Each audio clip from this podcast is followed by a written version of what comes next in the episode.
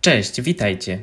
Z tej strony Denis Nętwich, a Wy właśnie słuchacie podcastu Skrótu Sejmowego, czyli projektu Fundacji Edukacji Obywatelskiej, w którym omawiamy najważniejsze akty prawne, a także przebieg głosowań i debat mających miejsce podczas minionych obrad Sejmu. W tym odcinku usłyszycie skrót z 51. posiedzenia, a w nim zmiany w sądownictwie dotyczące zniesienia Izby Dyscyplinarnej Sądu Najwyższego oraz ochrony niezawisłości sędziowskiej, perspektywa finansowa Unii Europejskiej na lata 2021-2027, zmiany w karcie nauczyciela oraz uchwałę w sprawie popełnienia zbrodni wojennych przez Rosję w Ukrainie. Zapraszam do posłuchania.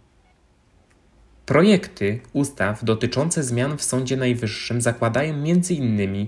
wzmocnienie konstytucyjnej ochrony niezawisłości sędziowskiej przy jednoczesnym umożliwieniu reagowania na rażące naruszenia prawa, których dopuszczają się sędziowie oraz zniesienie Izby Dyscyplinarnej i utworzenie w jej miejscu Izby Odpowiedzialności Zawodowej w skrócie IOS.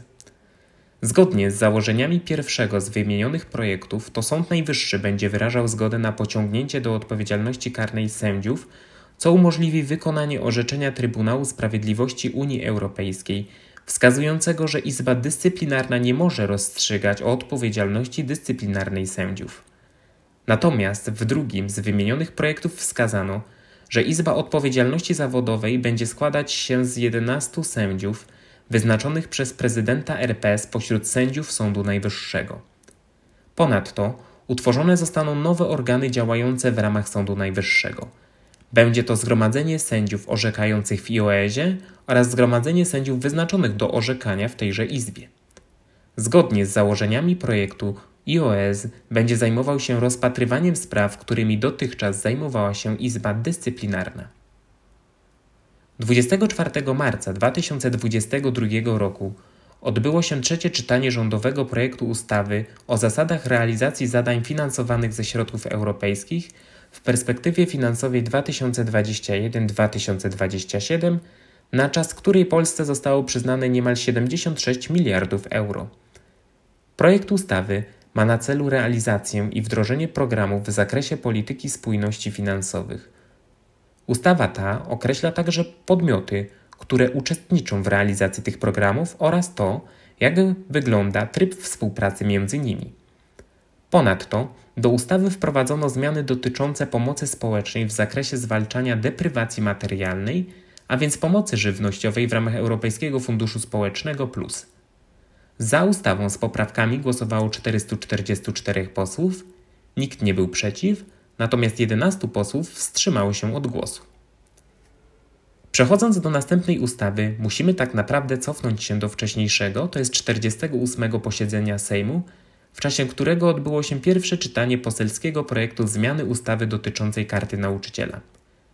Dla przypomnienia, projekt dotyczy zapewnienia nauczycielom podwyżki wysokości minimalnych stawek wynagrodzenia zasadniczego oraz dodatków do wynagrodzenia od 1 maja do 31 grudnia 2022 roku.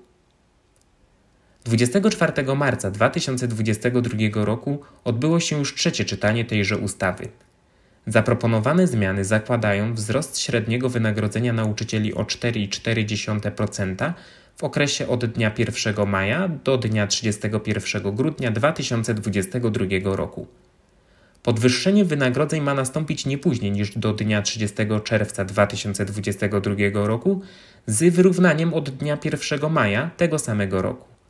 Ustawa została przegłosowana jednogłośnie oraz przekazana do prac w Senacie. Na sam koniec, ze względu na pogarszającą się sytuację na Ukrainie, Sejm poprzez aklamację to jest jednogłośnie, przyjął uchwałę w sprawie popełnienia zbrodni wojennych i zbrodni przeciw ludzkości oraz łamania praw człowieka przez Rosję w Ukrainie. Zdaniem inicjatorów uchwały, publicznie dostępne dowody uzasadniają uznanie już dziś Władimira Putina przez Sejm Rzeczypospolitej Polskiej i międzynarodową społeczność za zbrodniarza wojennego. Podkreślono, że Sejm stanowczo potępia akty długotrwałej przemocy, zbrodnie wojenne, zbrodnie przeciw ludzkości, akty ludobójstwa, systemowe naruszenia praw człowieka oraz inne naruszenie prawa międzynarodowego. Sejm wezwał wszystkie państwa, które uznają suwerenność, integralność terytorialną i prawo do samostanowienia Ukrainy, by wsparły wszelkimi środkami wszczęcie i prowadzenie postępowań przed Międzynarodowym Trybunałem Sprawiedliwości oraz Międzynarodowym Trybunałem Karnym, a także by wykorzystały swoje uprawnienia w organizacjach międzynarodowych, do których należą, w celu pociągnięcia Władimira Putina, członków Rosyjskiej Rady Bezpieczeństwa i dowódców sił zbrojnych Federacji Rosyjskiej do odpowiedzialności za kierowanie zbrodniami wojennymi, zbrodniami przeciw ludzkości, atakami ludobójstwa oraz systemowymi naruszeniami praw człowieka, których dopuszczają się oni na terytorium suwerennej Ukrainy. Tym mocnym akcentem kończymy już odcinek podcastu. Nie zapomnijcie zaglądać na nasze media społecznościowe, aby być na bieżąco z najważniejszymi kwestiami społeczno-politycznymi i zapraszamy po więcej przy okazji kolejnego posiedzenia.